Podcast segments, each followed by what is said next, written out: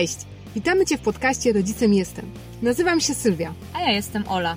Jeśli chcesz zmienić swoje życie rodzinne na lepsze, to zostań z nami. Opowiemy Ci, jak czerpać więcej radości z bycia rodzicem i nie odejść od zmysłów. Pokażemy narzędzia, które wykorzystujemy, by budować lepsze relacje w swojej rodzinie. Zdobywaj z nami wiedzę na temat rozwoju, a także korzystaj z praktycznych wskazówek oraz gotowych rozwiązań rekomendowanych przez pedagogów i psychologów dziecięcych. To co, wchodzisz w to? Zapraszamy!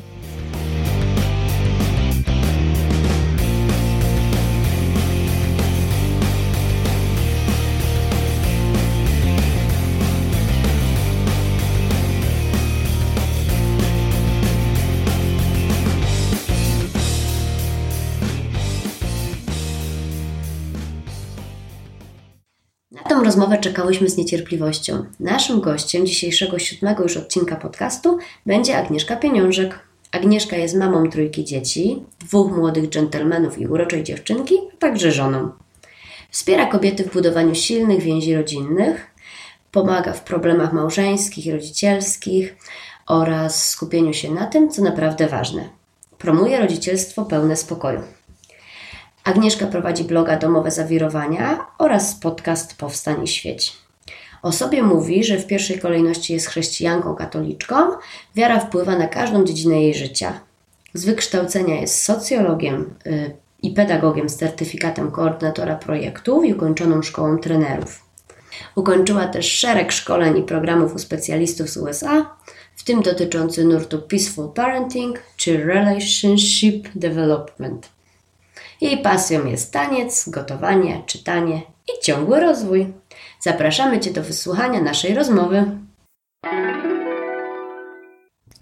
Cześć Agnieszka. Cześć. Dziękuję, że zgodziłaś się poświęcić nam swój czas, zwłaszcza teraz, kiedy przygotowujesz się do kursu, który y, na pewno pochłania Ci trochę czasu. Co to będzie za kurs? Dla kogo go dedykujesz? Y, to jest kurs, który jest skierowany do rodziców, do mam albo do tatusiów, dzieci w wieku od 0 do 8 lat. Mm, szczególnie dla takich rodziców, którzy no, mają jakieś pytania, wątpliwości, którzy nie wiedzą też, jak sobie radzić z różnymi sytuacjami rodzicielskimi, i tak do rodziców, którzy chcą jako rodzice się rozwijać. Dla mnie to jest y, najważniejszy przymiot y, osób, które zapraszam na ten kurs. Mówisz o czymś takim jak rodzicielstwo pełne spokoju. Rodzicielstwo i spokój tak dosyć ciekawie brzmi. Czym w ogóle jest peaceful parenting? To jest taki nurt, którego ja osobiście uczyłam się u dr Laury Markham. To jest um, psycholog kliniczny z Uniwersytetu Kolumbii w Stanach Zjednoczonych. I on jest, wpisuje się w te współczesne nurty um, rodzicielstwa bez kar i nagród. Natomiast to, co mnie urzekło akurat w tym konkretnym nurcie, bo no mamy teraz dość dużo, taki wysyp, mogłabym powiedzieć, różnych spojrzeń na to, jak wychowywać dzieci, nawet właśnie w ramach tego spojrzenia bez kar i nagród. Mamy pozytywną dyscyplinę, mamy rodzicielstwo bliskości. Natomiast to, co mnie jakoś urzekło, bardzo właśnie w tym konkretnym nurcie, to jest takie ogromne zaopiekowanie rodzicem. To jest to jest przekonanie o tym, że jeżeli ja chcę mieć pozytywny wpływ na swoje dziecko, na swoje dzieci, to przede wszystkim muszę przyjrzeć się samemu sobie, jako rodzicowi, temu, jak ja wchodzę w kontakt z nim, jak ja wchodzę w te interakcje, jak ja reaguję. Dlatego, że od moich reakcji zależy ogrom zachowań y, moich dzieci. Czyli to jest pierwszy element, który mnie jakoś tak bardzo mm, porusza. E, a druga rzecz, no to, to co właśnie w samej tej nazwie, to ten spokój, to, że to jest peaceful parenting. Um, chyba po prostu przyszedł taki moment w moim rodzicielstwie, gdzie bardzo za tym właśnie zatęskniłam i szukałam. Źle się czułam z tym, jakim jestem rodzicem, jaką jestem mamą, że coraz częściej wychodzi ze mnie taka kiepska strona mocy. Coraz więcej jakiegoś e, podnoszenia głosu, takiego, takich ostrych, nieprzyjemnych reakcji. Bardzo mi się to nie podobało, źle się z tym czułam. No i szukałam jakiegoś sposobu przede wszystkim właśnie na to, jak jakby pozostać w zgodzie ze swoimi wartościami, z tym, jakim ja chcę być człowiekiem i równocześnie być dobrym rodzicem, który rzeczywiście przekazuje swoim dzieciom wartości, który uczy ich tego, co jest e, według mnie ważne w życiu. Wspomniałaś, że peaceful parenting, podobnie jak na przykład pozytywna dyscyplina, opiera się na czymś takim jak niestosowanie kar. Co w takim razie proponuje zamiast kar?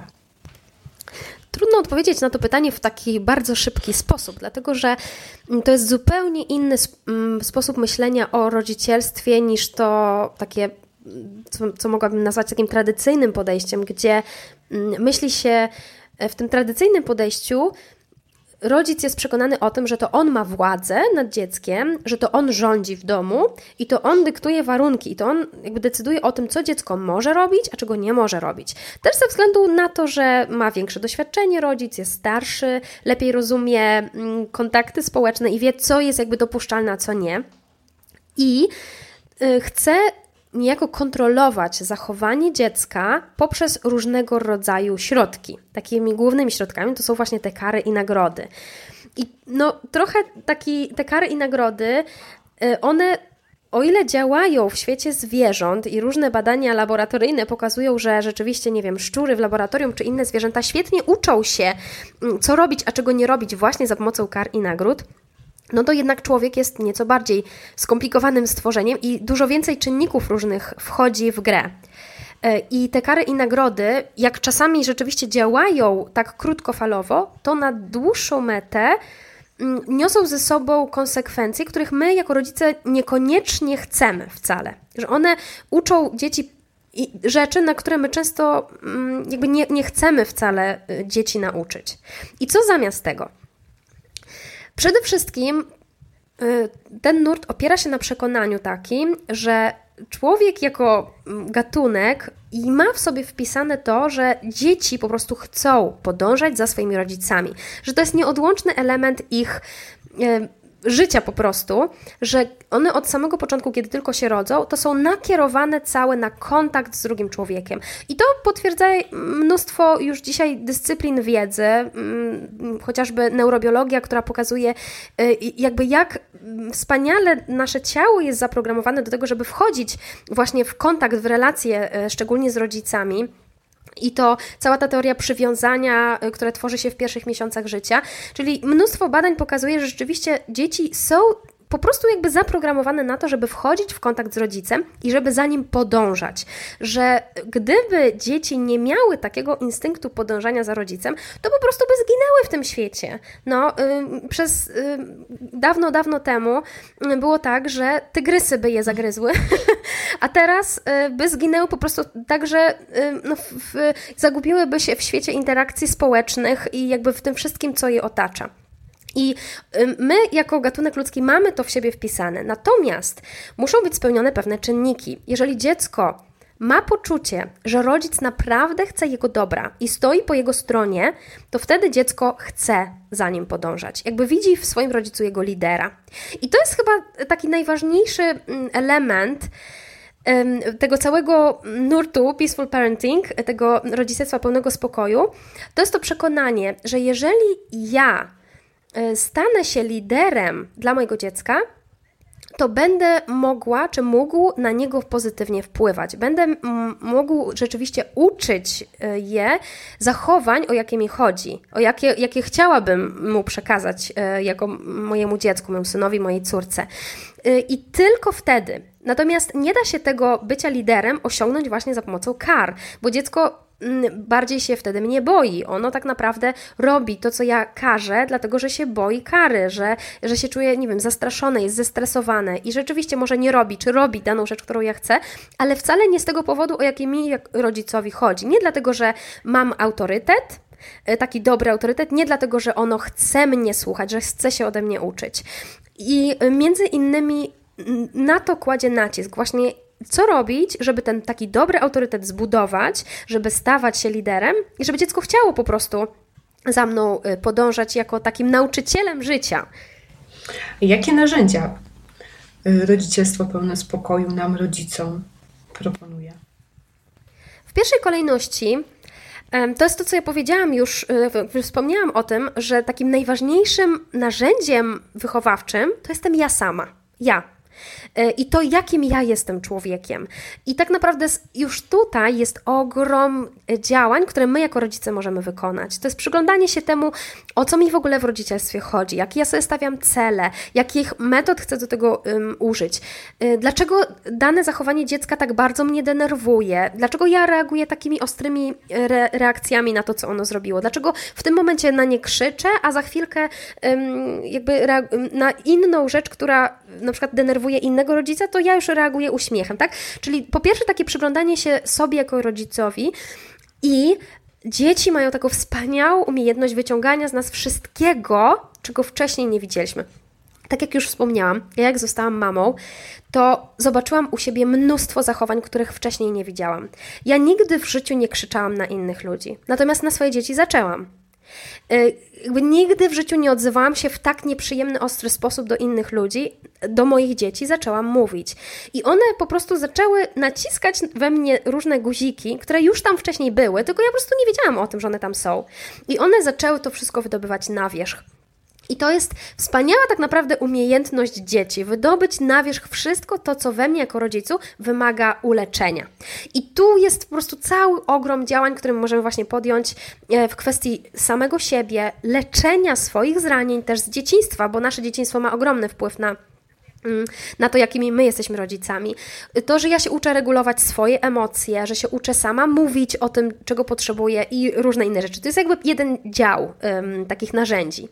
Kolejny dział to są narzędzia związane właśnie z budowaniem więzi, bo to więź, tak jak już powiedziałam, też jest tym, tym motywatorem, głównym motywatorem dla naszych dzieci, żeby one chciały za nami podążać. E, I tutaj jest też mnóstwo różnych sposobów na to, jak tę więź budować. Niektóre z tych sposobów są czerpane na przykład z rodzicielstwa przez zabawę, e, co też bardzo tutaj polecam. E, czyli jest dużo różnych działań, budowanie różnych rytuałów bliskości, e, okazywanie empatii 24 godziny na dobę i tutaj jest cały znowu szereg różnych działań, które możemy podjąć. I taki trzeci dział, bo to są takie trzy filary właśnie tego rodzicielstwa, Trzeci dział to jest trenowanie nowych umiejętności. I tutaj w tym dziale możemy mówić o właśnie o stawianiu, tego, co ja nazywam stawianiem limitów zachowaniu dziecka, e, czy taki coaching emocjonalny, czyli że my uczymy dzieci, jak sobie radzić z emocjami, jak przez nie przechodzić, e, jak e, uczyć się, jakby jak mm, wydobyć o co chodzi w moich emocjach bez ranienia innych ludzi. Czyli to są takie trzy główne filary, i w każdym z tych filarów można, jak, jest taki jak wór po prostu, pełen różnych działań, które my możemy podjąć e, i Wszystkie te filary są ze sobą powiązane. Jakby nie ma rodzicielstwa pełnego spokoju, jeżeli weźmiemy tylko jeden z nich. Że jeżeli ja tylko będę trenować umiejętności, a nie będę poświęcać czasu na budowanie więzi, to to nic nie da, bo dziecko nie będzie chciało się ode mnie uczyć po prostu. Wspomniałaś o czymś takim jak stawianie limitów, czyli setting limits. Czy to jest to samo, co stawianie granic? To jest mm, trudne pytanie. Trudne pytanie, dlatego że różne nurty podchodzą w różny sposób właśnie do tego tematu. To jest taki punkt, bym powiedziała, często sporny, nawet właśnie w, w gronie osób, które obracają się w tych kręgach wychowania bez kar i nagród. Niektórzy mówią, że nie ma czegoś takiego jak stawianie granic, dlatego że granice zazwyczaj w psychologii ym, są rozumiane jako granice osobiste.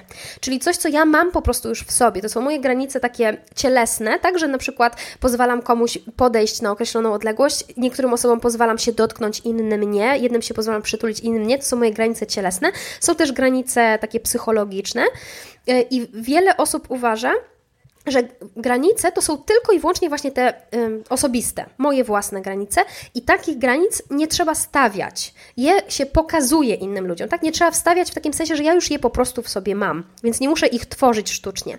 Te granice się pokazuje. I dlatego właśnie ja w, stworzyłam taki trochę może dziwnie brzmiący twór, właśnie to stawianie limitów, po to, żeby nie używać słowa granice.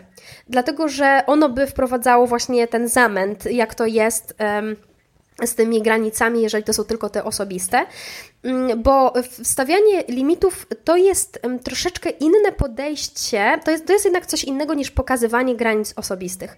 Pokazywanie granic osobistych polega po prostu na tym, że ja na przykład mówię drugiej osobie, e, czego nie chcę, e, albo czego potrzebuję. Natomiast w ramach stawiania limitów jest miejsce na pokazywanie granic osobistych, ale to jest znacznie szersze pojęcie. To jest taki moment, kiedy ja jako rodzic widzę, że moje dziecko zaczyna zachowywać się w sposób, który może być raniący dla kogoś. Na przykład jest dla mnie, ale może być na przykład dla y, siostry czy brata jego, ale, albo dla innego dziecka. Na przykład zaczyna bić kogoś, wyrywa zabawki, sypie piaskiem w oczy w piaskownicy, y, albo na kogoś y, krzyczy i widzę, że to dziecko na przykład jest przestraszone, na które moje dziecko krzyczy. Czyli różne zachowania, które uznaję, że są to, to co można powiedzieć nazywamy niewłaściwym zachowaniem.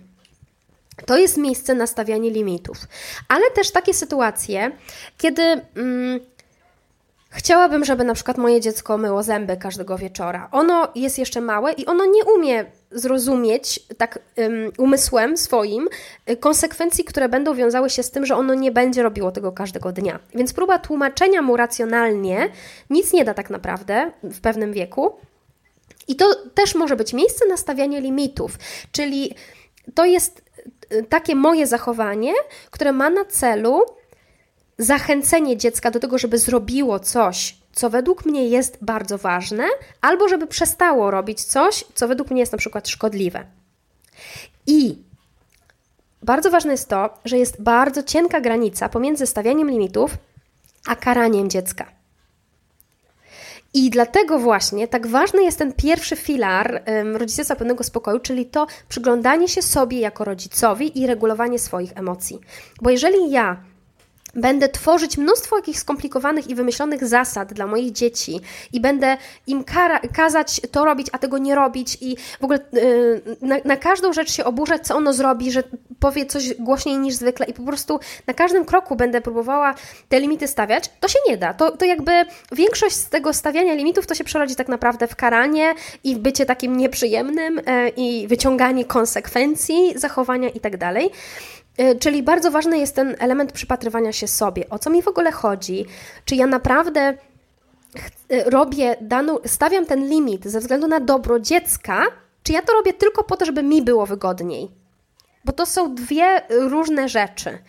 E, czyli stawianie limitu polega na. To, stawiać limit można za pomocą różnych sposobów, różnych narzędzi. Natomiast główna myśl jest taka, że jakby ja niejako wychodzę naprzeciw dziecku, spotykam się w tym miejscu z nim, w którym ono aktualnie jest i tam pomagam mu podjąć właściwą decyzję. Taką, która będzie decyzją dobrą dla niego i dla ludzi wokół niego. Okej. Okay. Agnieszka, na początku wspomniałaś o tym, że w Peaceful Parenting urzekło Cię to, jak bardzo zaopiekowany jest rodzic. Powiedz, w jaki sposób my, mamy, powinnyśmy dbać o siebie? Ja mm, słowo dbać o siebie rozumiem bardzo szeroko. Mm, I tak naprawdę mówię też o tym właśnie w kursie, bo to jest bardzo ważny element tego rodzicielstwa pełnego spokoju. Dla mnie dbać o siebie to z jednej strony podejmować działania, które mają na celu mm, przywrócić mi zasoby do życia, tak jakby przywrócić moją energię, wrócić do takiej równowagi emocjonalno-psychiczno-fizycznej, tak? Czyli na przykład e, zadbać o swoje ciało, o to, co jem, ile wody piję, czy się ruszam, e, czyli zadbać po prostu tak stricte o swoje ciało, ale też zadbać o swoje emocje, o kontakt z, z innymi dorosłymi, e, zaspokoić różne takie potrzeby emocjonalno-fizyczne. To jest jeden z, z elementów tego dbania o siebie. Natomiast dla mnie dbać o siebie to jest też wychodzić ze swojej strefy komfortu po to, żeby się rozwijać. Czyli z jednej strony to są działania, które są dla nas przyjemne, ale z drugiej strony czasami są to też działania, które są trudne. E, właśnie po to, żeby się rozwijać i żeby wzrastać w swoim człowieczeństwie i w tym, jakim, ja człowiek, jakim jestem rodzicem. E, I tutaj w tym drugim takim jakby dziale, e, to ja rozumiem wszystkie takie działania, które mają na celu na przykład właśnie przyglądanie się moim myślom, temu, co psychologia poznawcza nazywa zniekształceniami poznawczymi, bo mamy tego mnóstwo w sobie i to ma ogromny wpływ na to, jakimi rodzicami jesteśmy, jak myślimy po prostu o świecie, o sobie, o innych ludziach. I y, działania takie rozwojowe, one często są bardzo niewygodne. Y, tak, nie, że wiążą się z tym, że my musimy jakiś trud podjąć. Natomiast dla mnie to też jest dbanie o siebie, dlatego że w dalszej perspektywie to właśnie te działania decydują o tym, czy ja jestem spełniona w życiu, czy ja jestem szczęśliwa, czy ja jestem spokojniejsza, bo może w danym momencie, kiedy ja muszę podjąć ten trud rozwoju, to jest bolesne, Natomiast z tego rodzi się coś pięknego i to, to te właśnie działania decydują o tym, że ja coraz lepszym rodzicem jestem. Więc można zarówno dbać o siebie mm, w taki sposób, żeby pamiętać po prostu o swoich takich podstawowych potrzebach. Ja wiem, jest mnóstwo kobiet, mam, które mówią, że one na nic nie mają czasu. One nie mają czasu pójść siku zrobić, co oczywiście no nie jest prawdą. nie jest prawdą. No to jest kwestia tego, jak my się przyzwyczaiłyśmy działać, tak? Y, nasze dzieci, one naprawdę nie potrzebują być z nami 24 godziny na dobę. One nie, nawet jeżeli czasami tak mówią i czasami wołają nas na każdym kroku, to nic się nie stanie, jeżeli ja pójdę i w spokoju wypiję tą herbatę czy kawę. No, poczytam sobie pięć stron książki, pozwolę mu się chwilę pobawić samemu. E, jakby właśnie tego typu działania pomagają nam wrócić do równowagi i ja mogę wtedy wrócić no, z nowymi siłami. Zadbać o to, żeby przynajmniej raz na jakiś czas wejść z domu, Naprawdę wyjść z domu, choćby to miało być 15 minut spaceru wokół bloku, odetchnąć świeżym powietrzem, a jeżeli mogę, jeżeli jest taka szansa, okazja, to spotkać się z koleżanką, e, wyjść gdzieś na kawę, no, nie wiem, czy pójść poćwiczyć, zależnie co też kto z nas lubi jakby uwolnić się od takiego przekonania, że ja muszę być z tym dzieckiem y, non-stop, że jak ja wychodzę i ono mm, zostaje statą i zaczyna płakać, że ja wychodzę, to wcale nie oznacza, że ja muszę zostać. To wcale nie oznacza, że ja muszę zostać. To też może być moment na postawienie limitu, bo ja jako mama wiem, że ja po prostu muszę mieć czasami czas, kiedy jestem z innymi dorosłymi, a nie non-stop z moimi dziećmi. I to będzie dla ich dobra, tak? I, ale o ile ono zostaje z drugim kochającym rodzicem, albo nie wiem, z babcią, czy z jakąś dobrą opiekunką, czy z kimkolwiek innym, o kim ja wiem, że ono będzie dobrze zaopiekowane, to naprawdę temu dziecku się nic nie dzieje. Nie, nawet jeżeli ono płacze kiedy, w momencie, kiedy ja wychodzę. W większości przypadków ja mam też takie doświadczenie. Jak ja tylko wyjdę za drzwi, zamknę, y, zamknę drzwi za sobą, to dziecko przestaje płakać, bo zostaje statą i się świetnie bawią.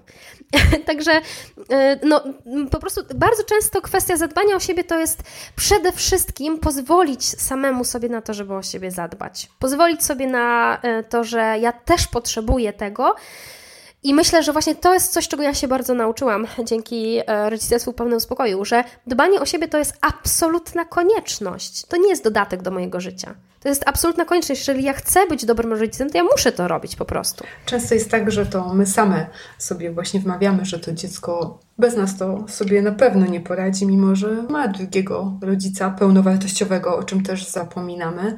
I dlatego jest bardzo ważne, żebyśmy znalazły ten czas dla siebie i go wygospodarowały. Bardzo często to nasze lęki, nasze zapalniki odbijają się na dziecku. To nasze czasami nawet nieświadome oczekiwania e, wypływają na wierzch. Nie w taki sposób, jakbyśmy chciały na pewno. Jak możemy pracować nad taką samą świadomością, samokontrolą? Mm, tak jak powiedziałam, naprawdę cudownym darem jest to, że te nasze dzieci się pojawiają w naszym domu, bo one są najlepszym sposobem na to, żeby to wszystko w ogóle z nas wyciągnąć. Bo te wszystkie rzeczy w nas są. One już były wcześniej, zanim te dzieci się urodziły, natomiast my po prostu wtedy nie byłyśmy tego świadome, czy nie byliśmy tego świadomi. A dzieci to z nas wyciągają.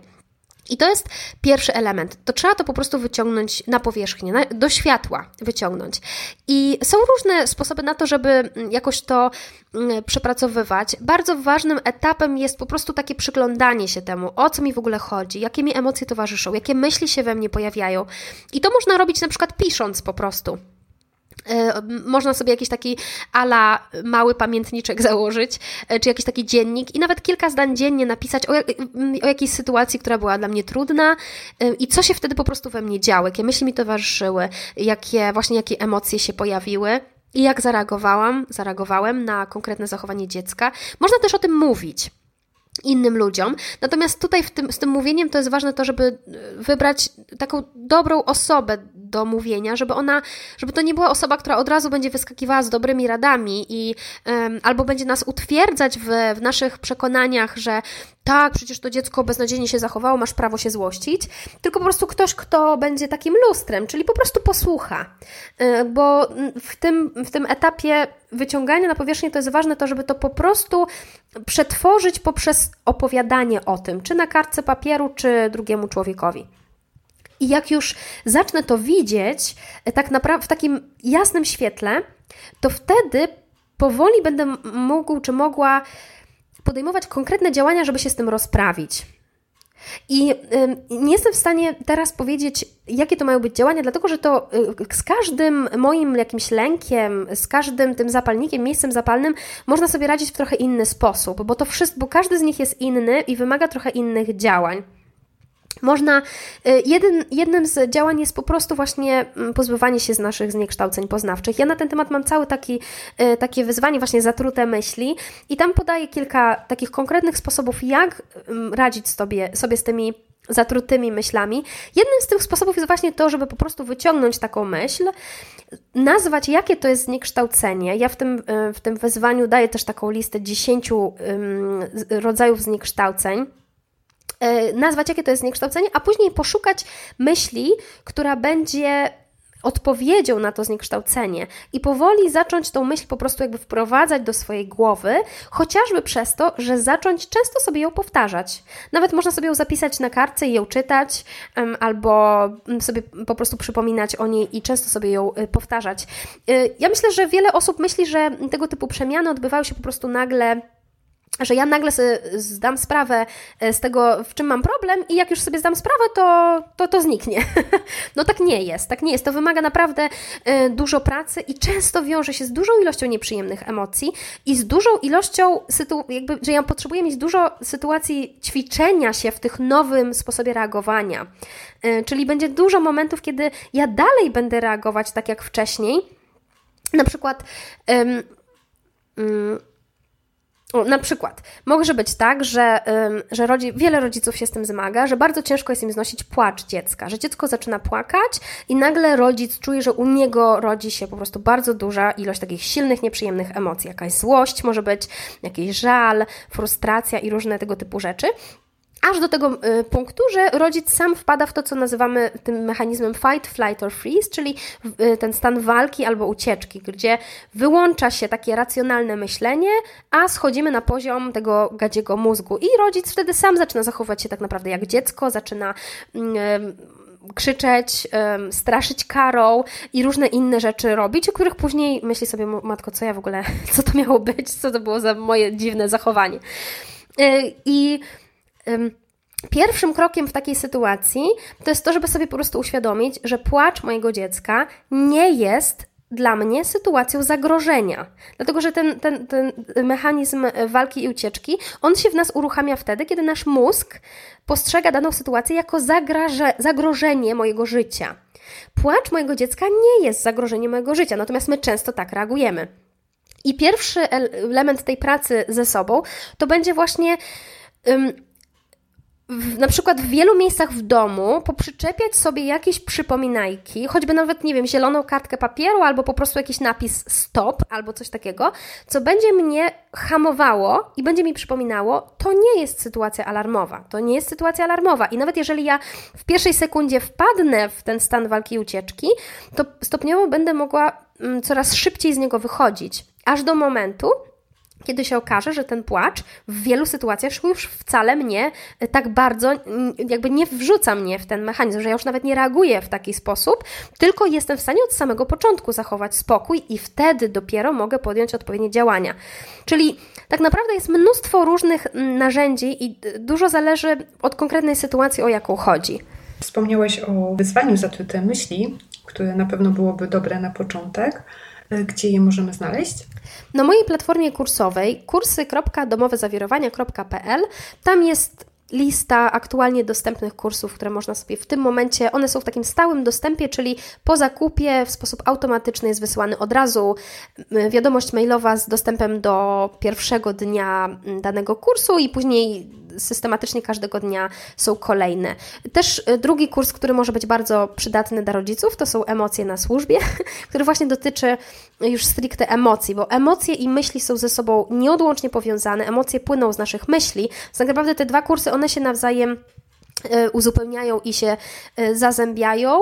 Natomiast jeśli chodzi o same emocje, to w ramach kursu Rodzicielstwo Pełne Spokoju jako bonus będę dołączać taki e-book, który będzie mówił o tym, jak regulować, jak się uczyć tej regulacji swoich własnych emocji. To jest temat tak ważny, że chciałam po prostu dać takie dodatkowe mm, materiały, dodatkowe narzędzia do tego, bo no z tym tematem chyba większość z nas ma największe trudności. Tak, na pewno z radzeniem sobie z emocjami. Dziwimy się, że dzieci sobie nie potrafią radzić, a my sami mamy z tym problem. Agnieszka, a co w takim przypadku, jeżeli odkrywamy peaceful parenting, czy pozytywną dyscyplinę, czy rodzicielstwo bliskości, obojętnie, i próbujemy do tego przekonać męża, a on ma zupełnie inne poglądy? To znowu jest bardzo szeroki temat i e, jestem w stanie tutaj w tak krótkim czasie dać tylko takie ogólne wskazówki i jakby pierwsze kroki. Największy błąd, jaki zwykle popełniamy w takiej sytuacji i najczęściej popełniają go kobiety, bo nie oszukujmy się, to zwykle one częściej szukają wskazówek, czytają różne blogi, różne książki i właśnie tak jak mówisz, trafią na jakiś super pomysł, zaczną widzieć, że to jest coś, co im się podoba i próbują przekonać męża, żeby też się za to wziął. I o ile w małżeństwie bardzo dobrze się generalnie ze sobą dogadują, to wtedy jest szansa, że ten mąż zechce się tym tematem zainteresować. Natomiast wystarczy, że jest choćby drobne rysy na tej więzi i relacji, to w większości przypadków próba przekonywania męża do tego, że to jest nowy, super sposób, to w większości przypadków to nie zadziała. Jest bardzo dużo powodów, dlaczego tak jest. Między innymi główny powód chyba jest taki, że większość um, osób robi to w taki bardzo krytyczny sposób wobec męża, że nagle oni, za, ja na przykład zaczęłabym nowe metody stosować i widzę, że mąż trzyma się tych wcześniejszych i zaczynam go strofować. Po prostu mówić, wiesz, nie mów tak do naszych dzieci, albo y, to źle na nie wpłynie, bo nie powinniśmy ich karać, bo nie wiem, ono może sobie samo decydować, ile zje, nie, nie krzycz na nie, albo nie dokładnie, no to już, to już w ogóle yy, ciężka sprawa. Natomiast generalnie tego typu komunikaty to jest to jest takie, ja to nazywam zmienianie przez krytykowanie. My jesteśmy przekonani, że to jest najlepszy sposób, żeby kogoś zmienić, żeby pomóc mu się zmienić, podczas gdy to jest najgorszy możliwy sposób i on nie działa zarówno jeśli chodzi o dzieci, jak i dorosłych. E, a to, tak naprawdę takie zmienianie przez krytykowanie sprawia, że ten człowiek się jeszcze bardziej utwierdza w tym, że to on ma rację. Nawet jeżeli gdzieś tam w głębi serca czuję, że fajnie byłoby się tym zainteresować, bo to brzmi ciekawie, to jeżeli ja w taki sposób będę próbować go do tego przekonać, to on po prostu stanie okoniem i powie: Nie, ja po prostu ja mam rację, ja nie będę tego w ogóle słuchał, a nie będę tego czytał, bo, bo ja mam rację. I, I tylko i wyłącznie dlatego, że to mój sposób przekazywania tych informacji sprawił, że on się poczuł atakowany, no i czuje, że musi się bronić. A jak, jakby taki sposób przekazywania jakichkolwiek treści nie pomaga drugiej osobie przyjąć te treści, tylko właśnie blokuje. To jest największy błąd, jaki y, zwykle popełniamy, a jest go naprawdę bardzo łatwo popełnić, dlatego że no my, większość z nas wzrastała w takim środowisku, gdzie to zmienianie przez krytykowanie jest normą. I my się tego nauczyliśmy i tak robimy wobec naszych dzieci i to samo próbujemy na naszych mężach i żonach robić. Natomiast to nie działa, tak jak mówię. Czyli pierwszym krokiem tak naprawdę to jest um, budowanie naprawdę takiej bliskiej, ciepłej relacji, bezpiecznej atmosfery pomiędzy nami, do tego, żeby stworzyć u drugiej osoby gotowość do rozważenia tego nowego podejścia, do tego, że on będzie chciał posłuchać, o co mi chodzi. I ja bym powiedziała, że o ile nie dochodzi na przykład do rękoczynów albo do um, takich naprawdę ostrych, nie wiem, tego, że um, na przykład jeden z rodziców bardzo non-stop krytykuje dziecko i jakby wyzywa go i bardzo ostrego języka wobec niego na, y, używa, to o ile nie dochodzi do tych dwóch sytuacji, to naprawdę nie ma potrzeby w taki ostry, jednoznaczny sposób stopować danego zachowania drugiego rodzica. Dlatego, że w większości przypadków niesie to za sobą więcej negatywnych ym, konsekwencji niż, niż pozytywnych. I to jest kwestia uczenia się jakby nowych sposobów reagowania. Jak w danej sytuacji, kiedy dzieje się coś, o czym ja wiem na przykład, że niekoniecznie służy naszym dzieciom, to po pierwsze, czy to jest na tyle mała sprawa, że ja tak naprawdę mogę to w tym momencie odpuścić, a później, jak już wszystkie emocje opadną, to ja mogę o tym porozmawiać z moim mężem na spokojnie i porozmawiać z naszymi dziećmi o tym, co się stało i jak one mogą sobie też radzić w takiej sytuacji. Bo ja osobiście wierzę w to, że naszą rolą jako rodziców nie jest usuwać spod y, nóg naszych dzieci wszelkie kłody, które tam się pojawią, ale jest uczyć te nasze dzieci, jak żyć pomimo tych kłód, jak przejść przez te kłody, jak przez nie przeskoczyć. Jakby ja wierzę w to, że to jest główne nasze zadanie, czyli mm, jakby wzmocnić nasze dzieci, uzbroić je w konkretne narzędzia żeby one wiedziały, jak żyć w świecie, w którym nie wszyscy się fajnie wobec nich zachowują. Niektórzy na nie krzyczą, ktoś w szkole powie im jakieś niefajne, nie, nieprzyjemne rzeczy, ktoś będzie się z nich wyśmiewał. Y, jakby mnóstwo takich nieprzyjemnych rzeczy czeka na każde dziecko za rogiem. I czasami jest tak, że niektóre z tych zachowań czekają też na nie w naszym domu. Nawet ja czasami, jakby jak nie ogarnę swoich emocji, to też robię takie rzeczy. Więc naszym zadaniem jest przede wszystkim nauczyć nasze dzieci, jak żyć szczęśliwie i w sposób e, taki, że ja też dbam o właśnie o swoje granice w takim konkretnym świecie.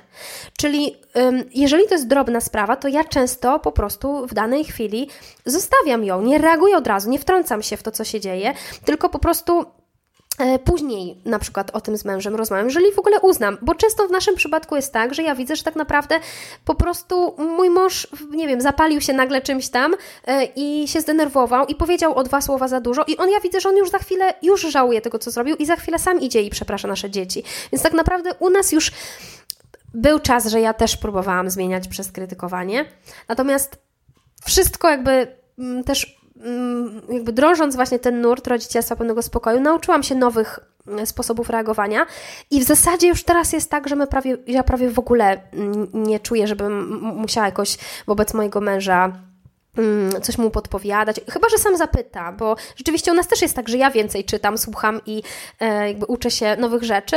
E, natomiast e, on często po prostu przychodzi i też mnie pyta, jakby, mm, albo no po prostu rozmawiamy o jakichś trudnościach, z którymi się borykamy, coś nowego się pojawi, to wtedy po prostu rozmawiamy, ale tylko i wyłącznie dlatego, że stworzyliśmy jakby, no właśnie to, co ja nazywam też team małżeński, czyli taki że jesteśmy jedną drużyną, że ta świadomość, że my gramy do jednej bramki, my naprawdę oboje chcemy dobra dla naszych dzieci.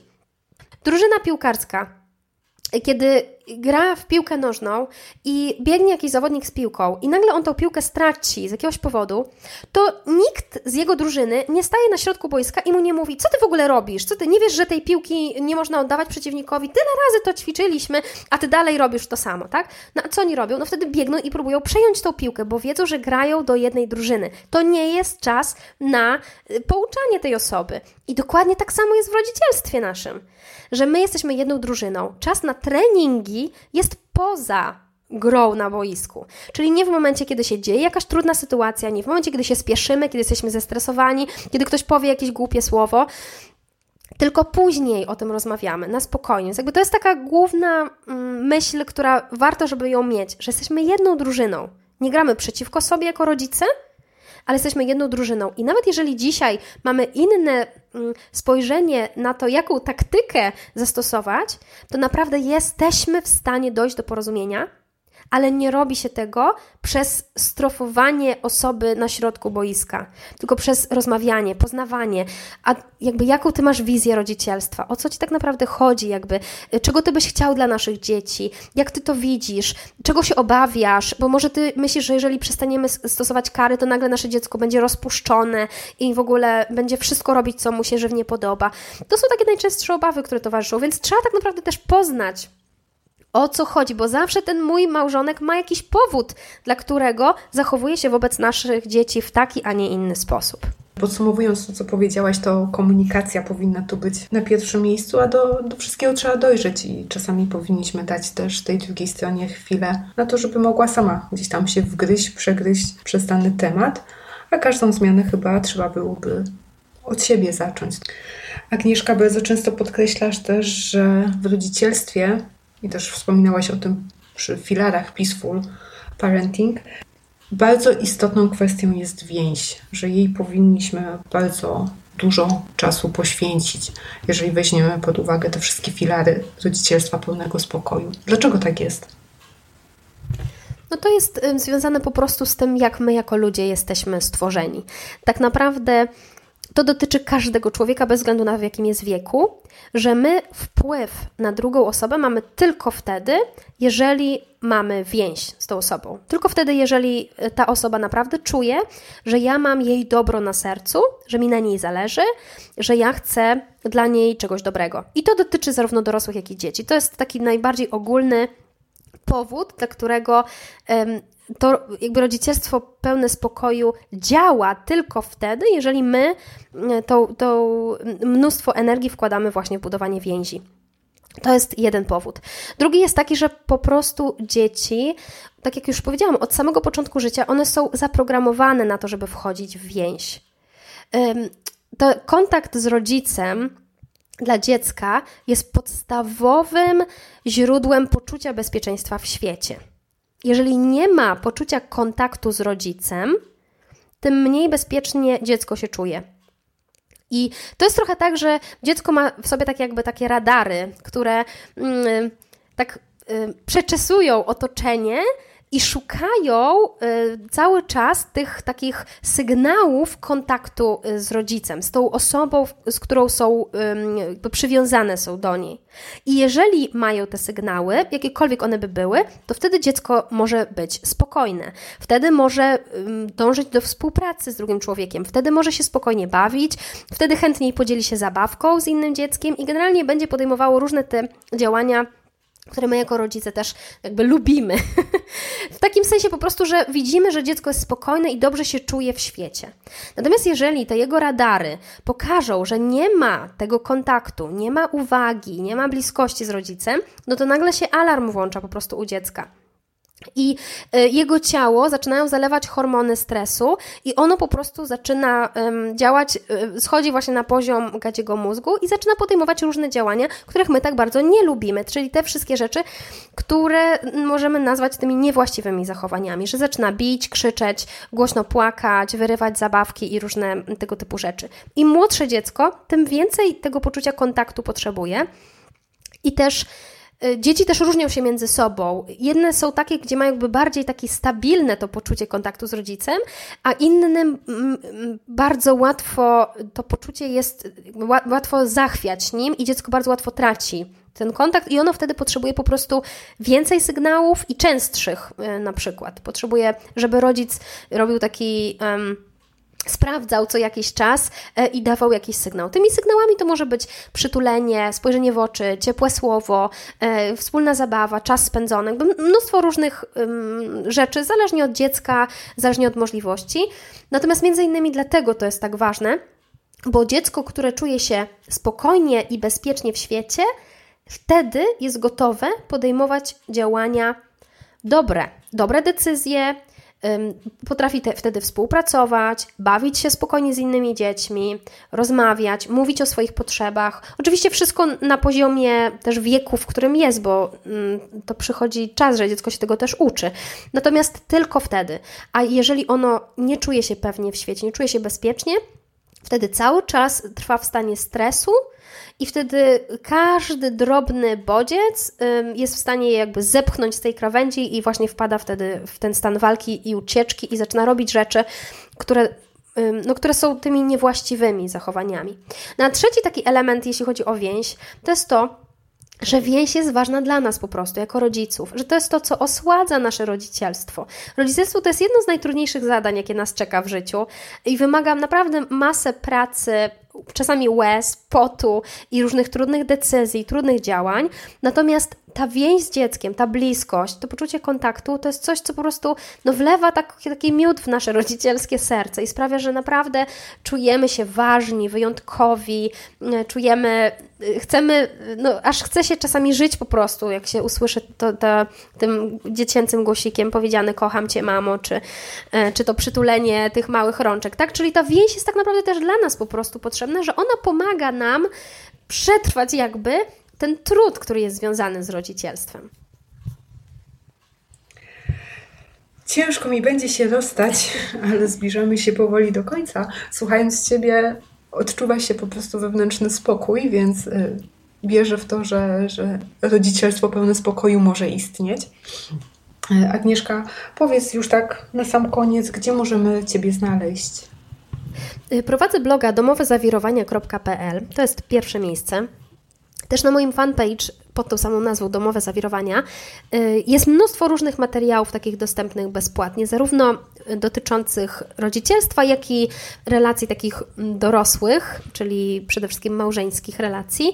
Co tydzień we wtorki prowadzę takie bezpłatne transmisje właśnie na moim fanpage, y, gdzie odpowiadam na różne pytania. Można też oczywiście zapisać się na mój newsletter. Na stronie mojej, na, tym, na blogu moim domowezawirowania.pl można znaleźć miejsce do zapisu. Yy, no i też właśnie moje kursy, yy, które, tak jak już powiedziałam, też można znaleźć na tej platformie kursy.domowezawirowania.pl.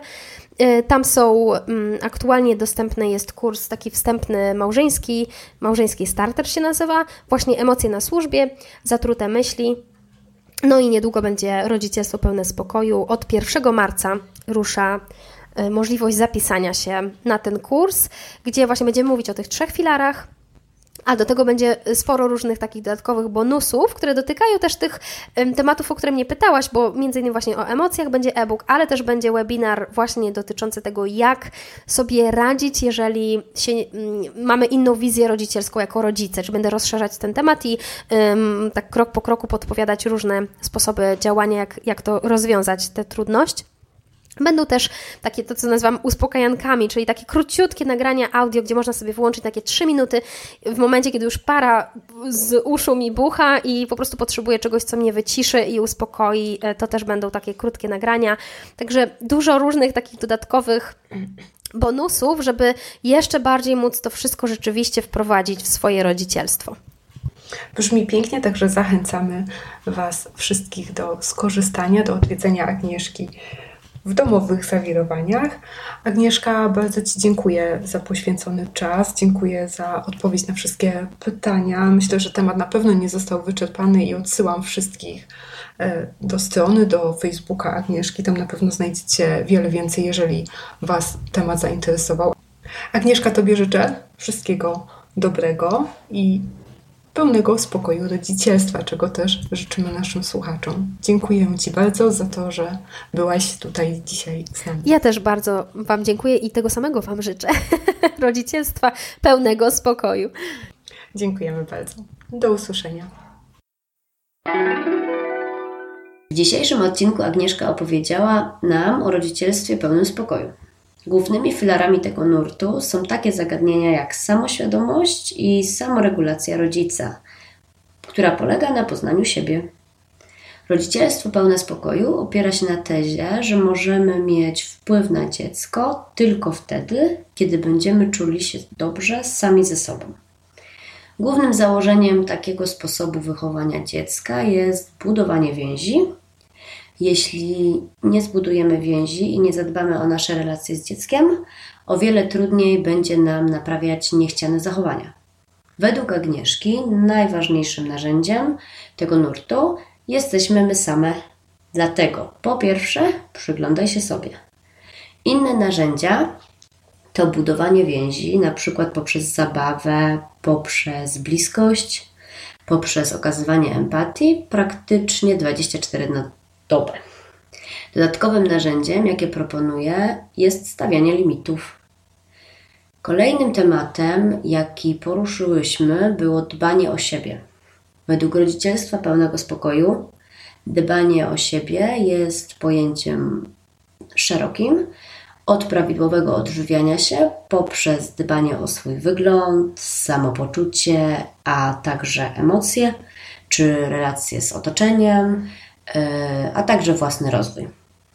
Na sam koniec Agnieszka radziła, w jaki sposób powinnyśmy, a właściwie czego nie powinnyśmy robić, aby przekonać naszego męża do naszych metod wychowawczych.